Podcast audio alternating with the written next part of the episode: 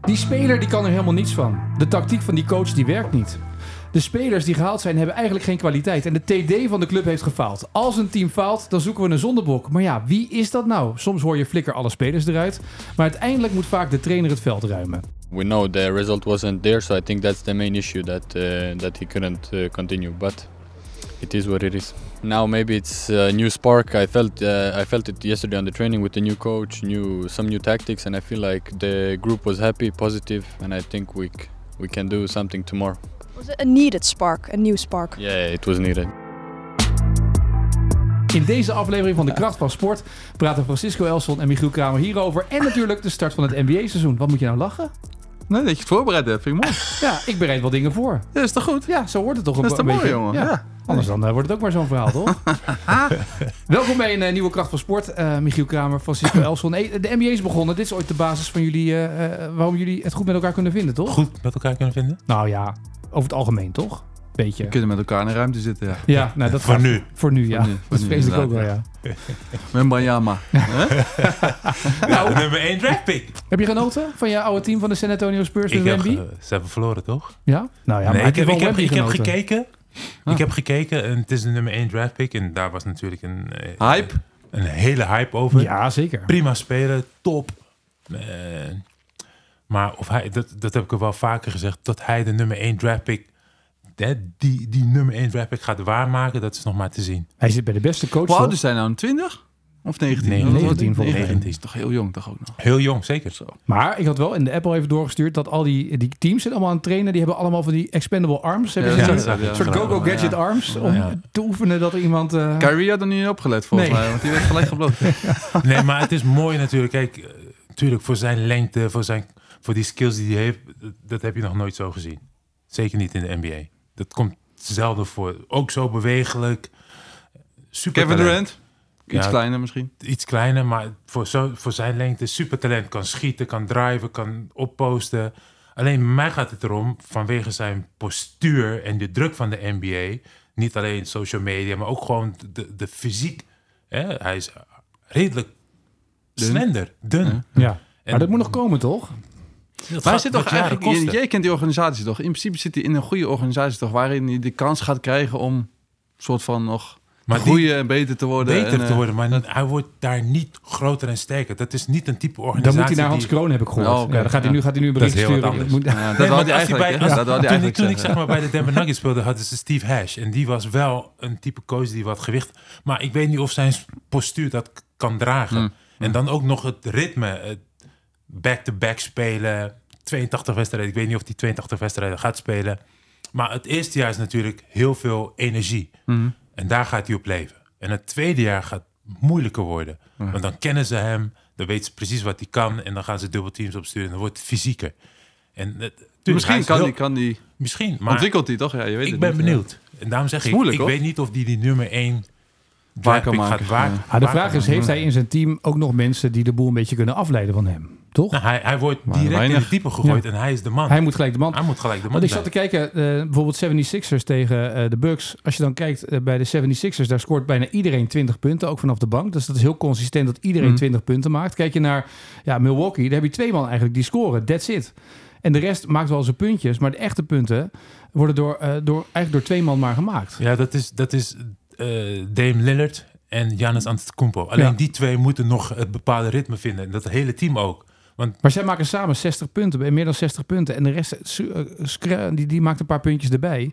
Maar kan je afhankelijk zijn van één of twee man nog in deze tijd van de NBA? nou, dat was het altijd zo een beetje wel geweest bij de Milwaukee Bucks. Ja. Dan had je ook Giannis Antetokounmpo en Chris Middleton. ja. Alleen ze hebben nu wel een hele andere coach. Dus ze moeten een heel andere tactiek gaan spelen. En Janis had gezegd van, dit is wel Dame Lillard's team. Maar iedereen weet dat het gewoon Had hij dat team gezegd? is. Ja, dat zei hij in een interview.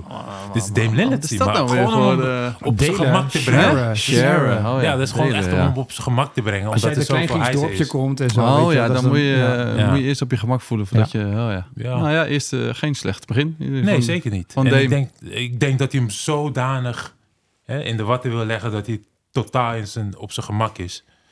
Maar je hebt natuurlijk wel echt een goed team hoor. Je hebt Chris Middleton nog steeds en wat andere spelers. Dus, maar ze moeten echt snel proberen klik eh, zien te vinden. Anders wordt het gewoon heel moeilijk voor hen. Nou, je hebt 82 wedstrijden, man, nog een toernooi ertussendoor. Heb je een soort van KNVB-beker ertussendoor. Ja, dat is echt gek. Dat is echt bizar. Is dat nieuw? Ja, ze- nee, Ja, ze hebben een in- in-season tournament. In-season tournament. Ja, dus de, er worden in poeltjes van vier ongeveer verdeeld. En de winnaars gaan weer door naar... Ja, heb je niet opgelet? Nee, ik heb, daar ben ik Oh. niet van op de hoogte, sorry. Oh. Dus je gaat sowieso 100 wedstrijden spelen. Ja, ja. Sowieso. En, Sowieso. daar, en dan hebben ze ook nog verplicht dat eh, iedereen, zeg maar, alle sterren moeten minimaal eh, zoveel procent van de wedstrijden spelen. Volgens mij minimaal 62 of zo. is eh, rule. Dat is, dat is ook een nieuwe... Ja, Dat is ook een nieuwe regel. Want, want ik zag volgens mij dat, eh, dat Biel en eh Boeken, die zaten nu al eh, Ja, tweede wedstrijd. en Ja. eh, Tweede wedstrijd. Ja. Ja, maar zware Ah, voorbereiding. schijt het Zware uit. voorbereiding. Ah. Kijk, doe dan gewoon dat, dat je minimale minuten speelt. Weet je, zoals LeBron James dat gaat doen. Ja, die gaat minimaal 20 of 25 spelen Tussen ongeveer. de 28 en 30 minuten. Ja. Want dat makkelijke uitzitten, wat is dat? Wat is dat?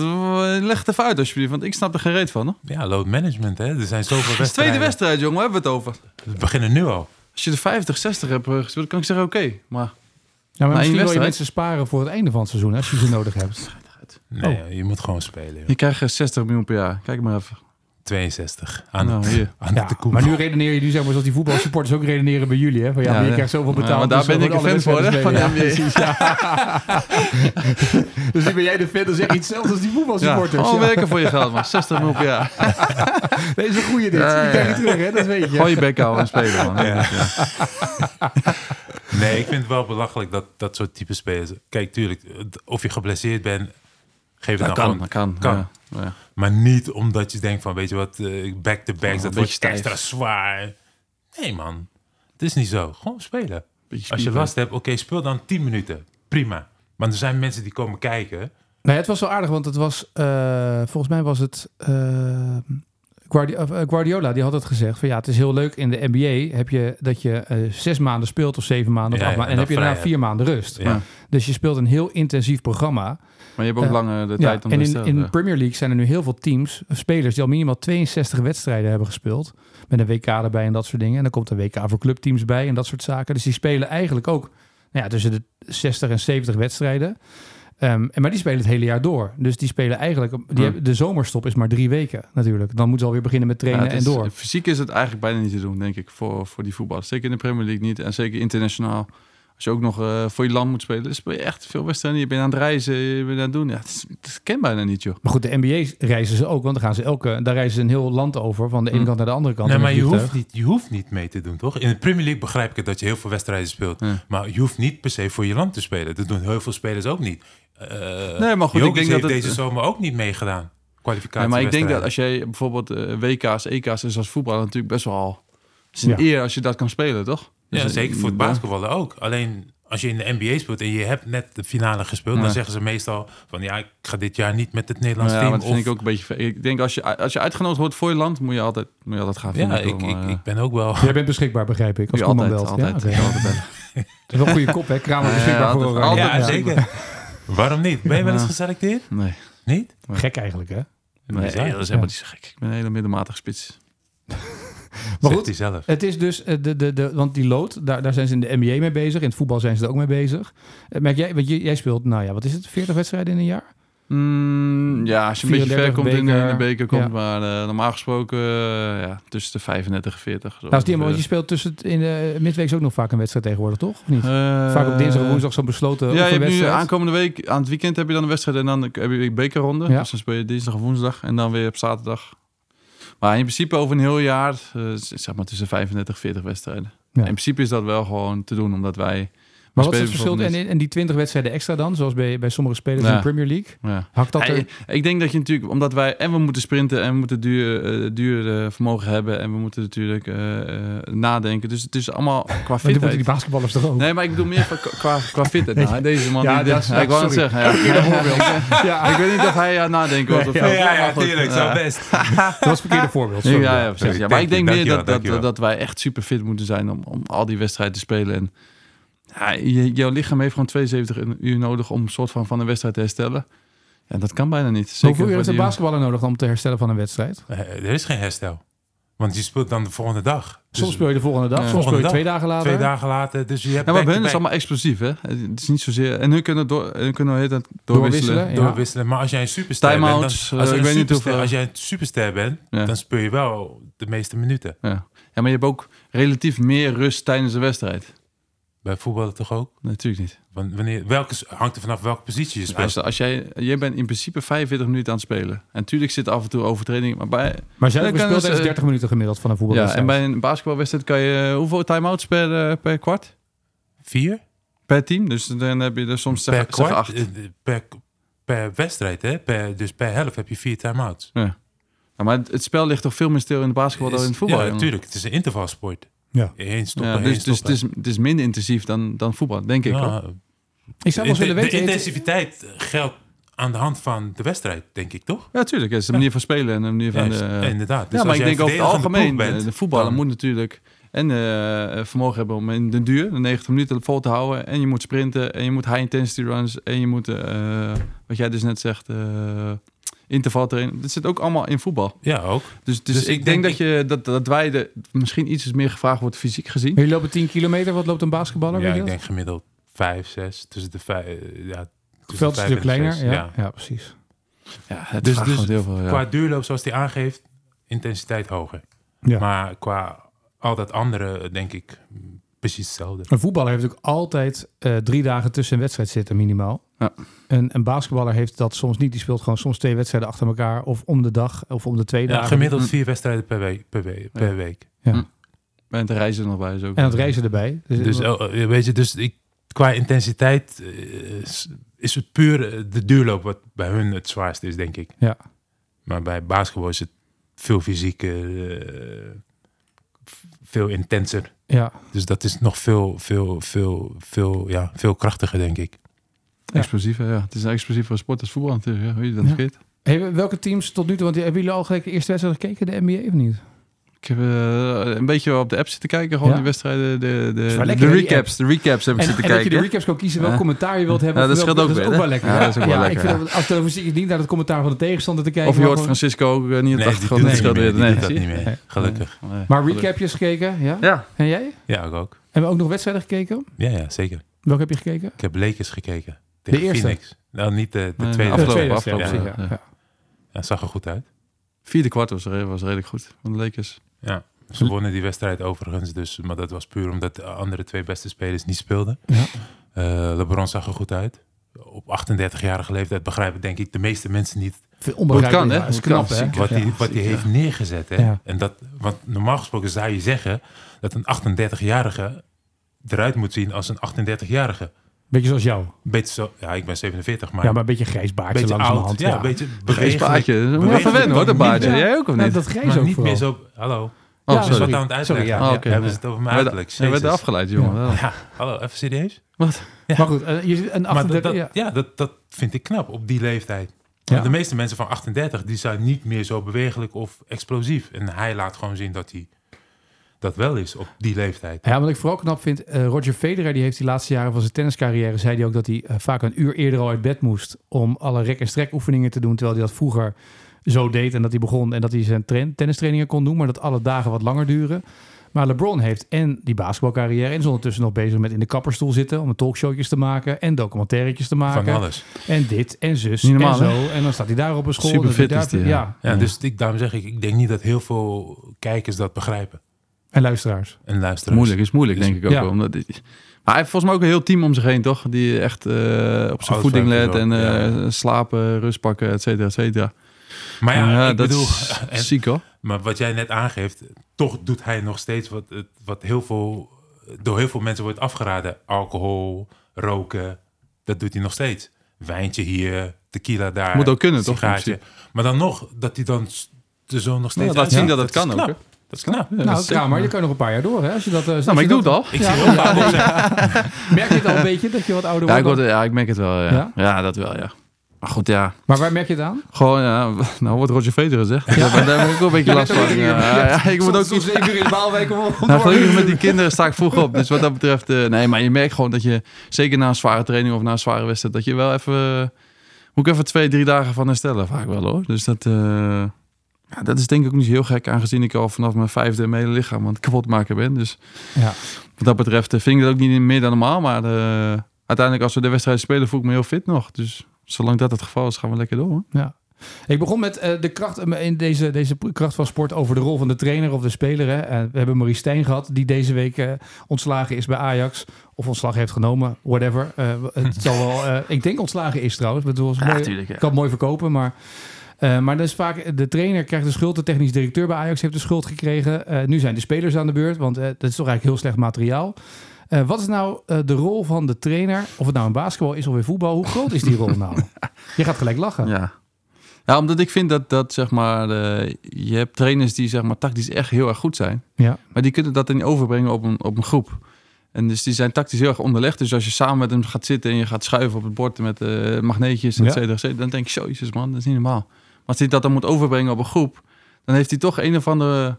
Ik ga, eh, hij heeft gewoon moeite om dat over te brengen op een groep. En dat is denk ik is een beetje het Van Basten, het Rijkaard-syndroom. Beetje Jongens dat die de idee, top ja. hebben gevoetbald. Ja, die dus, zeg maar zelf een bepaalde standaard hebben. Ja, Wat bij het grootste gedeelte van Nederland niet standaard is. Omdat je hebt het over de allerbeste van de allerbeste.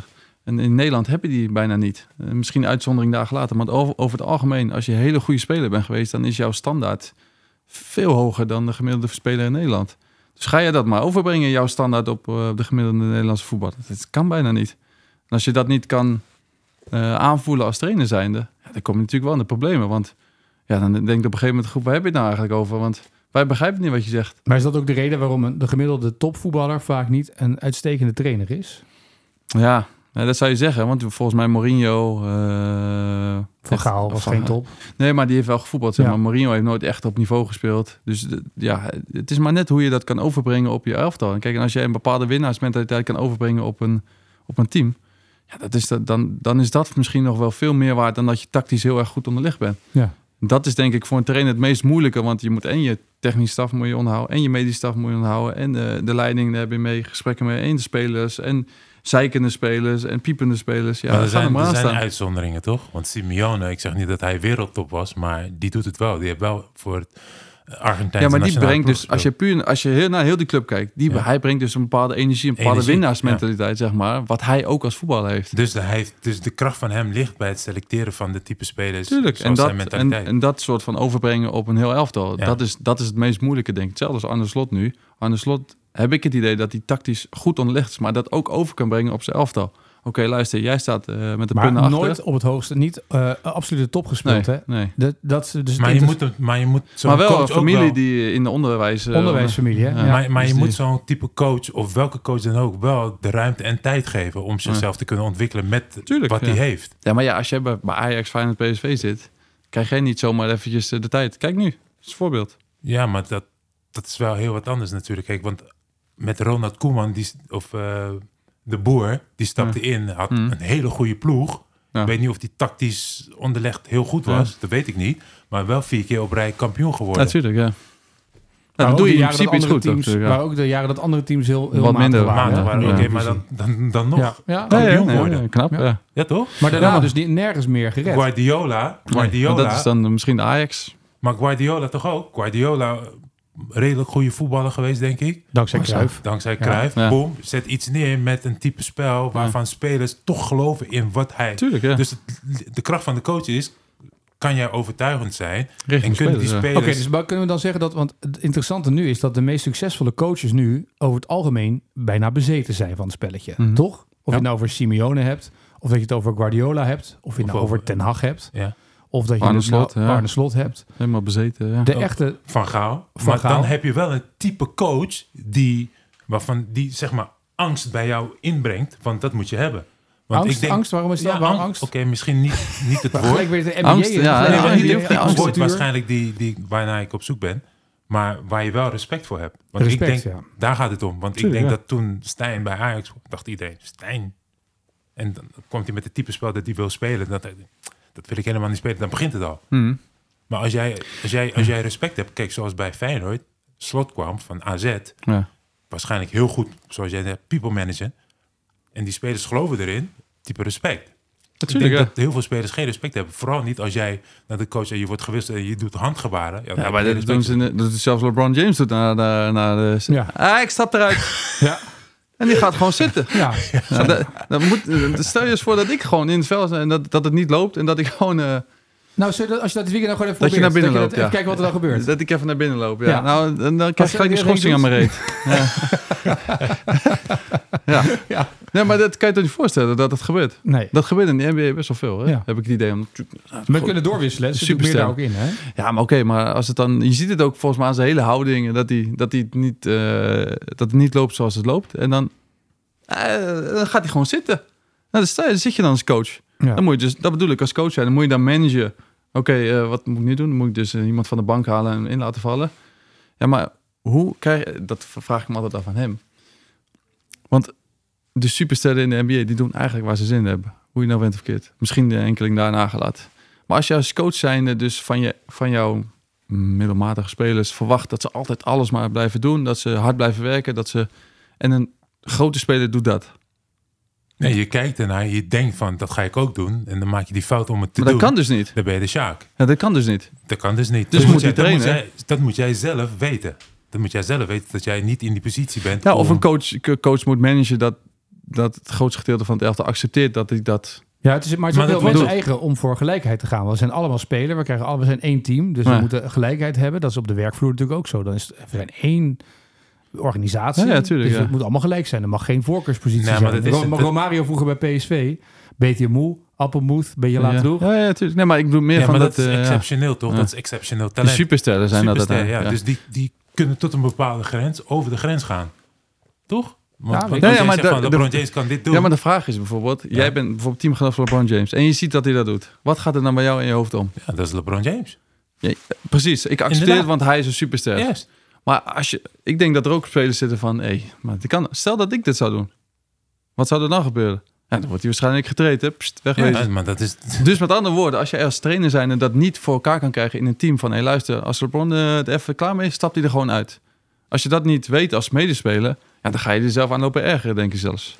Ja, dus het zal, als coach zal je daar heel erg ook... Ja, dan moet je op open en eerlijk Ja, in zijn, ja. toch uiteindelijk. Dat is denk ik het beste. Alleen ja, de Ja, vraag is nee, of dat- iedereen alleen, kan. alleen die situaties gebeurt bij... Laten we dat zeggen, bij, bij Popovic zou dat nooit gebeuren. Nou ja, dat bedoel ik dus, ja. Dat is de, co- de- het is ook de coach die dat toelaat, of niet? Dat is Ja, wat jij ja, bedoelt. Ja. Ja. En dat zeg ik net, ook het type respect dat je hebt voor een coach. Mhm. En LeBron James heeft duidelijk, zoals jij aangeeft, geen respect voor zijn coach. Maar die coach geeft hem ook hè, die, De ruimte. Ja. de ruimte om gek te doen. Dat zie je toch? Ja, maar daar maakt hij ook misbruik van, toch? Ja, heel ja. veel spelers. Want, ja. want ze komen niet, het publiek komt niet voor de coach. Die komt voor LeBron Ja, James. En natuurlijk. LeBron James maakt 60 miljoen. Dus Maar goed, dan, de vraag. We hebben het over voetbal net. Eh, wat is de rol van de coach in basketbal dan? Kan de coach eh, invloed hebben, behalve wisselen? Meer wisselen. Maar kan wel- welke invloed heeft de coach in het basketbal? Op een team? de lijn uitzetten. maar voor de rest helemaal niks. Heb je op? Helemaal niks. Nee? Nee. Maar die man staat al heel druk langs de Maar lijn. zo, nee, maar niks. Popovic had toch ook Popovic, van... ja, dat zeg ik net. Ja, maar dat is toch een aantal coach? coaches. Aantal coaches. Aantal coaches. Nou, dan heb je toch een paar?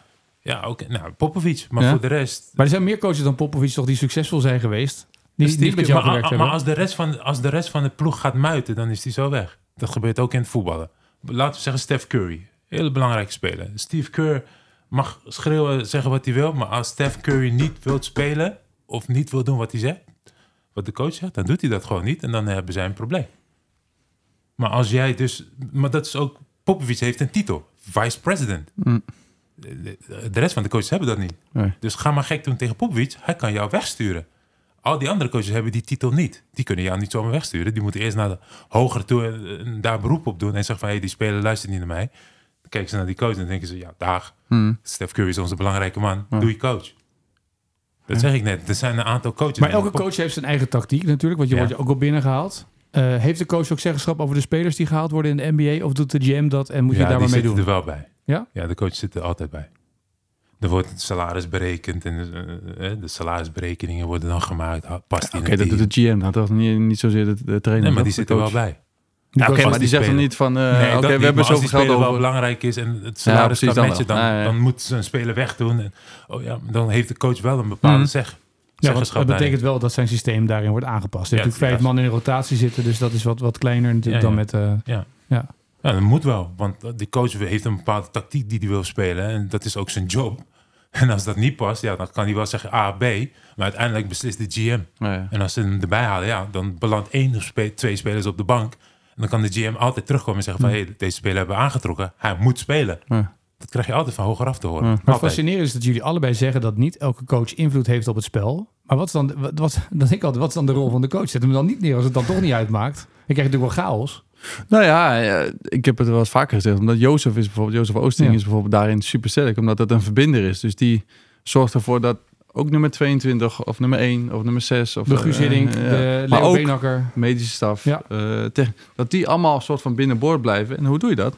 Gewoon open en eerlijk zijn. Dus de coach is meer eigenlijk de man die boven alle partijen staat. En meer Ja, de manager eigenlijk van... Ja, van uiteindelijk wel, ja. ja. En dan moet je daarnaast assistenten hebben die misschien tactisch wat verder zijn. Of die veel beelden kunnen kijken of het tactisch heel goed kunnen overbrengen. Maar als een trainer zijn die jou het goede gevoel geeft. En hij kan dat voor elkaar krijgen met 20 man. ja. En, Dat als is- dat, dat en, als, en als hij dat niet kan, die trainer, moet hij de juiste assistent hebben die dat dan wel kan, toch? Nou ja, dat, Dat is de ook. aanvulling Ja. van, de, van de staf uiteindelijk. En ja, ik weet niet of het in de NBA is of ze dat ook zo zien. Maar vaak is een hoofdtrainer in het voetbal eh, ja, degene die eh, probeert alles een beetje eh, binnen het geheel te houden. En die assistenten zijn vaak de tactische mensen die daar de, de beslissingen nemen. En dan gezamenlijk klikt het dan eh, ja of nee. En eh, dat, dat is bij Jozef en bij Sander en Peter Unik is dat ook. eh Ja. Sander Duits is het ook zo. Ja, Dus ik dat is denk, ik, eh, waarschijnlijk, nou, ik weet niet per se hoor, maar er was een situatie, de hoofdcoach van de Boston Celtics, Ime Udoka, Mhm. tactisch waarschijnlijk heel goed, want hij sleept de Boston Celtics helemaal naar de finale toe. Ehm, nu de hoofdcoach geworden van Houston Rockets en misschien tactisch heel sterk. En zijn zijn assistenten waarschijnlijk die, die, die, die de rest van de ploeg gaat managen. Dus hij is tactisch waarschijnlijk heel sterk, maar de rest van zijn staf Hm. waarschijnlijk eh eh, managing heel sterk. Want Ja. ik denk niet dat dat, dat bij elke ploeg zo is. Nou, ik vind het heel fascinerend om die beelden te zien. Vaak ook vanuit de kleedkamer wat er gebeurt. Je weet het, ik ben een trouwe volger van de Kings. En als je dan ziet dat Mike Brown daar zijn assistent eh, de ruimte geeft om elke thuiswedstrijd defensive player of the, of the day om die die Kiezen, een heel groot schild krijgen ze dan met dat er bling bling Ja, erop ja, zit. leuk hè. Maar dat wordt wel steeds gedaan door de assistent. Die heeft de rol en en dat die die krijgen ook ruimte in die wedstrijden om daar dingen in te doen. Dat is echt wel een people manager die ervoor zorgt dat dat hele team ja, maar dan, in de da- playoffs daarom hebben ze ook zoveel van die stafleden. Hè? Ja, Want- veel, maar er zit, daarachter zit ook nog heel veel. Want dat je denkt, sommige van die stafleden, sommige van die stafleden, die kunnen het goed vinden met een aantal spelers. Ja. En dan zie je ook bij LeBron James, die neemt altijd een bepaalde assistent met hem mee. Dat doet Kevin Durant ook. Die heeft altijd een assistent bij hem in het team. Die dus goed met hem is. En die Nou ja. wordt gewoon assistentcoach. Die zit gewoon in de staf Die- ook dan. Die zit gewoon in de staf. Ja, hoe ziek is Dat dat, deed, ook? eh, maar dat deed, nou luister, dat deed eh, bij PSV Roger Schmid ook. Die had ook een Duitser. eh, dat was zijn, die had een, naast zijn assistent die hij meenam, ook Ja. nog eh, een PA voor hemzelf. Die die meenam aan een PSV. Die dus ook in die staf uiteindelijk zat. Maar die was puur Hm. voor hem. Om dingen eh, bij te houden, te helpen. En Want dat is normaal in de NBA, hè? Dat is gewoon normaal. Ja, maar Zou je ook André ik- Iguodala Iguodala had zijn eigen personal trainer. Die, die ging Oké, dat mee. kan ik nog wel misschien begrijpen. Maar ik denk, uh, jij, jij bent ook sport, sporter geweest en ik ook. Dat zeg maar, je altijd toch wel de waardering van de hoofdcoach zoekt, toch? Of van, de, van de, de hoofdtrainer. Althans, dat is zo. Ik, want Ja, zo ben je opgevoed, hè? ja, ze- nou, maar je bedoelt, kijk, jij zegt nou bijvoorbeeld dat, eh, of jij zegt bijvoorbeeld dat assistenten heel erg tactisch heel erg goed zijn, Horen te zijn, ja. horen te zijn. Maar dan is de hoofdtrainer dan meer van het manager. Manager. Maar als het andersom is, dan zou ik al zoiets hebben van... hm, ik heb toch liever dat het andersom is. Dat een hoofdtrainer soort van de boel een beetje bij elkaar houdt... en zorgt dat het goede gevoel is... en dat assistenten dan tactisch wat beter zijn... dan dat de, dat de assistenten zeg maar van het manager zijn... en de hoofdtrainer van het tactische gedeelte. Maar Louis van Gaal is, eh, los van het, eh, het, eh, het totale mensprincipe... iemand die altijd bij de spelersgroep plan A, B, C of D Mhm. presenteert. ja. Ah, en in zijn wedstrijdbesprekingen, die wat langer duren over het algemeen, zegt hij altijd: dit gebeurt er of dit kan er gebeuren. Ja, ja. En dan weten zij precies wat er gebeurt. Dan is hij dus op dat vlak de tacticus. ja, maar hij is ook de manager... want hij Ja. gaat ook naar het totale mens, mensprincipe. Want Ja. hij vraagt ook wanneer is je vrouw jarig... wanneer is je kinderen jarig. En dat onthoudt hij ook allemaal. En dan gaat hij vervolgens een praatje houden van... hé, hey, hoe is thuis? En, dus dan ben je ook aan het managen. Ja, dat is dat is echt zo'n persoon, eh, zoals we net al hadden omschreven. Een freak. Die echt Ja, ja, tuurlijk, alles ja. wil weten. Ja. En, maar in, in basketbal eh, hoeft dat niet per se. Je hoeft niet van alles, eh, weet je, want het, het draait om minuten maken. Mhm. En of die hoofdcoach je nou mag of niet, Nee, nee, het gaat om minuten maken. En jij moet gewoon spelen. maar misschien ja. is dat wel het verschil dus. eh, wat een, een basketballer heeft in de NBA of een voetballer in de Eredivisie. Dat een basketballer bijna altijd denkt: ik moet zoveel mogelijk minuten maken. Ik moet mijn statistieken hebben. Want ik kan elk moment getrade worden naar een andere. Ja, En dat hebben moet- ze bij het voetbal, Bij voetbal heb je natuurlijk dat niet. Ja, Dus dan maakt het ook niks uit. Of de coach nou... Ja, maar dat je, dan krijg je natuurlijk wel meer dat je zeg maar, gefocust bent op jezelf. In plaats van dat je denkt van, oké, als wij als team goed spelen, dan kom ik er als individu misschien ook nog wel goed uit. Terwijl als je alleen maar denkt van... oké, als ik nu 12 minuten krijg en ik heb vier punten en eh, vijf... ja, maar jouw contract is maar voor drie jaar. Nee, ja, En dat bedoel ik. Dus, dus je, je gaat zeg maar meer naar jezelf kijken... dan dat je denkt naar het grotere geheel. Maar je hebt ook teams gehad waar je mensen had die alleen maar voor zichzelf speelden en niet voor het team. Ja, inderdaad. Maar dat, dat, NBA is totaal anders. Hè. En het basketbal is individualistisch. Ze spelen weinig op team basketbal. Maar winnen teams, winnen teams de NBA of winnen spelers de NBA? Spelers. Ja? Dat hebben we toch gezien. Jokic, als Jokic niet speelt, winnen ze niet. Als LeBron niet speelt, winnen ze niet. Het is individueel. Die individuele klasse komt naar boven in de NBA. Daarom selecteren ze toch ook op, maar op goed, potentie. Jij bij de Spurs, dat was meer teambasketbal, toch? Hoe je nou Met Tim. Duncan. Ja, Tim Duncan en Rondom Tony Tim Parker. Duncan. En, eh, Rondom Tim Duncan. Ja, oké. Maar dat is meer echt, zeg maar... Oké, we proberen iedereen een beetje erin te betrekken... en we zorgen Ja, dat we dat- zo wedstrijden Tuurlijk, dat is de tactiek wat ze spelen. Ja. Hè? Als, het, als, als deze optie niet werkt, dan Ja, zijn maar dus met andere woorden, het grotere geheel wint uiteindelijk wel. Ja. Dus dat, het blijft altijd... Ik ben nog steeds van mening dat als je een team gaan- kan creëren... waarin iedereen zijn eigen waarde heeft en zijn eigen rol heeft... Ja. ga je daar veel meer zeg maar, eh, mee winnen dan als één of twee spelers altijd maar 60, 70 punten voor je maken. Dat is, dat is wat ik denk. Hoor. Maar merk jij dan dat het in het voetbal nu ook individualistischer wordt in plaats van het teambelang? Omdat Nee, je nu meer dat natuurlijk al die jonge eh, gasten ook Maar je, merkjes je hebt die individuele klasse wel nodig, toch? Tuurlijk, want Ja. dat... Ja, dat Want die individuele klasse ook. bepaalt de wedstrijd. Nee, 100%. Maar je ziet natuurlijk bij, eh, in voetbal langzamerhand steeds meer dat de speler ook het merk wordt. Hè? Dus ingegeven door Ronaldo, Messi. Hebben Mhm. ook jonge spelers door. Ik moet op Instagram mijn postjes doen, moet laten zien wat Ja. ik aan het doen ben. Er worden filmpjes gemaakt door hele mediateams die erachter zitten Ja. van de zaakwaarnemer. Dat kan natuurlijk ook weer het teamgevoel. Nou, dat weet ik wel bedrijven. zeker dat het zo is. Ja. Alleen aan de andere kant is het... Kijk, ook een Cristiano en een Messi... Ja, zet eh, tien Cristiano's neer. Gaan ze ook niet winnen. Nee. Dus zeg maar, die, al die, die andere jongens die ook in het veld staan... die hebben hun ook wel nodig om je goed hebt te altijd spelen. een Barry van Aarlof Je en hebt Edward Linskus Je hebt altijd die spelers. altijd, En ja. ik bedoel meer van, kijk, als die spelers zeg maar, hun eigen rol kunnen accepteren en weten van, oké, nou, eh, Messi die krijgt alle shine en die krijgt alle eer en allemaal prima. Maar ik weet ook dat hij niet zonder mij kan. En op het moment Ja, dat je dat kan creëren, dan En dat is de rol van de coach om dat te creëren. vind ik toch? wel, ja. Dat Ja, is die balans die je moet zoeken, ook met de technische directeur of met de GM in dat geval. Dat je zeg maar die balans tussen je selectie altijd wel goed houdt daarin. Maar als nu een Ajax zo voetbalt zoals de afgelopen eh, weken, eh, maanden gaat, met enorme gaten op het middenveld en dat soort zaken, is dat dan te weten aan de coach of aan de kwaliteit van de spelers of aan de technisch directeur? Waar ligt dan... Ja, ik, ja, dat vind ik moeilijk, want uiteindelijk de kwaliteit van de spelers, dat vergis ik ook. De kwaliteit van spelers kan het verschil maken. Maar als je met mindere spelers... Alleen het probleem is bij Ajax, is dat ze altijd op de Ajax manier moeten voetballen. Ja. Toch? Hoe je nou bent of verkeerd. Ja, eh, 4-3, punt naar voren, eh, balbezit en wat gaan we doen in de opbouw. Die ziet nog dat ze daar dus in de problemen komen. Ja, maar En dat nu ze zeg dus jij Ajax-spel, maar ze hebben totaal geen Ajax-spelers in het team. Ja, maar dat, Oké, Bergwijn, Robbie. Berghuis, Taylor, Vos, eh ja, maar, Hato. die, die- maar die zijn later gekomen, toch? Die komt van de jeugd, toch? Ja, ja. Oké, en de rest... Maar die weten hoe ze Ajax, Ajax voetbal moeten maar de spelen. rest niet. Ja, maar dat is dan de schuld toch van de, van de technisch directeur of van de mensen die daarboven zitten. Die hebben die spelers aangetrokken, Ja, toch? toch? Maar, Ja. maar, maar prima dat je dat zegt, maar die spelers hebben ze aangetrokken. Maar die Ja. spelers die komen ook net bij Ajax kijken, toch? Die Ja. Hato, die Vos. Ja, het zijn jonge jongens. Ja, tuurlijk, dus, dus die kennen alleen vanuit de jeugd. Maar ja, als voetballer zou je moeten kunnen aanpassen aan welk systeem dan ook, toch?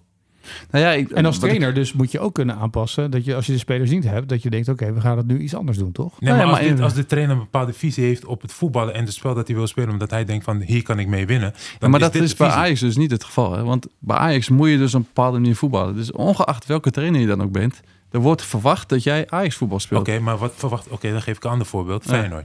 Ja. Wat voor voetbal spelen ze daar? Run and gun, agressieve conditietraining Nee, die ze. spelen nu zoals Ajax altijd speelt. Ja, nou. Dus daar hebben die spelers toch aan kunnen, aan, aan- En aanpassingen snel. kunnen maken. Met, en en, ook niet met de beste spelers op papier in principe. Natuurlijk wel. Dus- nee, maar dan, met andere woorden, dan is zijn vraag, de coach daarin, die is dus wel belangrijk. Want een Arne Slot kan het wel voor elkaar krijgen bij een Feyenoord. En Maurice Stijn krijgt het bij Ajax niet voor elkaar. Peter Bos krijgt het ook voor elkaar bij PSV. Als je ziet hoe Van Nistelrooy vorig jaar speelde en hoe groot Ja, de maar- maar dan-. Maar ook, maar ook dan die wint, wint twee prijzen. En, nog, nogmaals, dus er zijn meerdere wegen die zeg maar naar succes wegen. 100%. Maar- Dan kijk naar Xavi Simons, die zei, ik tuurlijk, ben van ja. Van Nistelrooy daar naartoe gekomen, begrijp ik. Maar dan Mm. nog is het wel interessant, wat is dan die rol van die coach? En in hoeverre moet je het nou spelers kwalijk nemen dat ze zich niet kunnen aanpassen? Of moet je Ja. dan... Dat, Ja, Ja, het, blijft, maar- ja, het blijft zo moeilijk. ja, dat is het, hè? Ja. maar, maar we hadden net ook al de discussie van tevoren. Maar als jij over drie meter geen paas kan geven, dan denk ik, precies. Weet je, heeft dat mee te maken dan? Met die speler. Hij heeft te maken met het feit dat hij gewoon onder druk staat. Zie je, ik zei het Wie toch? die speler? Tuurlijk, joh. Wacht, wow. Dat, dus Ja, nee, ik denk het niet. Luister, als jij... Stel Onder je... druk, jij kan niet een paas geven van drie Luister nou meter. even. Als jij nou... eh, jij speelt. Jij speelt bijna geen minuut in de NBA. Dus je krijgt een paar minuutjes. En stel je verliest drie keer de bal. Turnover, drie keer. Bij de vierde keer denk je... Oeh, ik moet nou wel zorgen dat ik die bal in ieder geval aan de goede kleur geef. Dan, Dan doe je dat. probeer je dat. Maar sommige jongens kunnen dat niet, hè? Dus dan is het toch die Dan kwaliteit van die spel. De druk van de speler wordt dan te groot. Omdat ze dan twijfelen aan zichzelf. Ja. Nou, maar luister, je hebt, ik, ben- wij zijn, ik ben bij jou geweest bij de Spurs. Ja. Jij moest de bal altijd... Jij kan ook schieten. ja. Ik heb maar dat, deed je nooit. Nee, maar dat deed je nooit. En het, Ik keek gewoon uit mezelf niet naar de basket. nee, dat zou je misschien, had je misschien Omdat vaker het- moeten doen. omdat voor je iemand-. Dat, nee, nee, Ja. maar luister. Ik deed dat omdat ik puur eh, het systeem volgde van de coach. Dus ik kon nog altijd de goede paas geven. Boom. Het score is totaal wat anders, hè? Dat is totaal wat anders, toch? Jij zegt net, Hm. dat deed je niet. Nee, ik volgde gewoon wat de coach mij Maar jij opdracht. zat ook in, jij zat in een team waar vertrouwen in zat. Hè, waarbij iedereen, eh, Iedereen wist wat Dus dan wordt het makkelijker. En als je maar dat elk dus, jaar komen er nieuwe spelers, hè? Dus als jij niet die kwaliteit hebt en druk, whatever. Ik heb ook bij een slechte ploeg gespeeld. Hm. Eh, Seattle Supersonics met Kevin Durant en Jeff Green.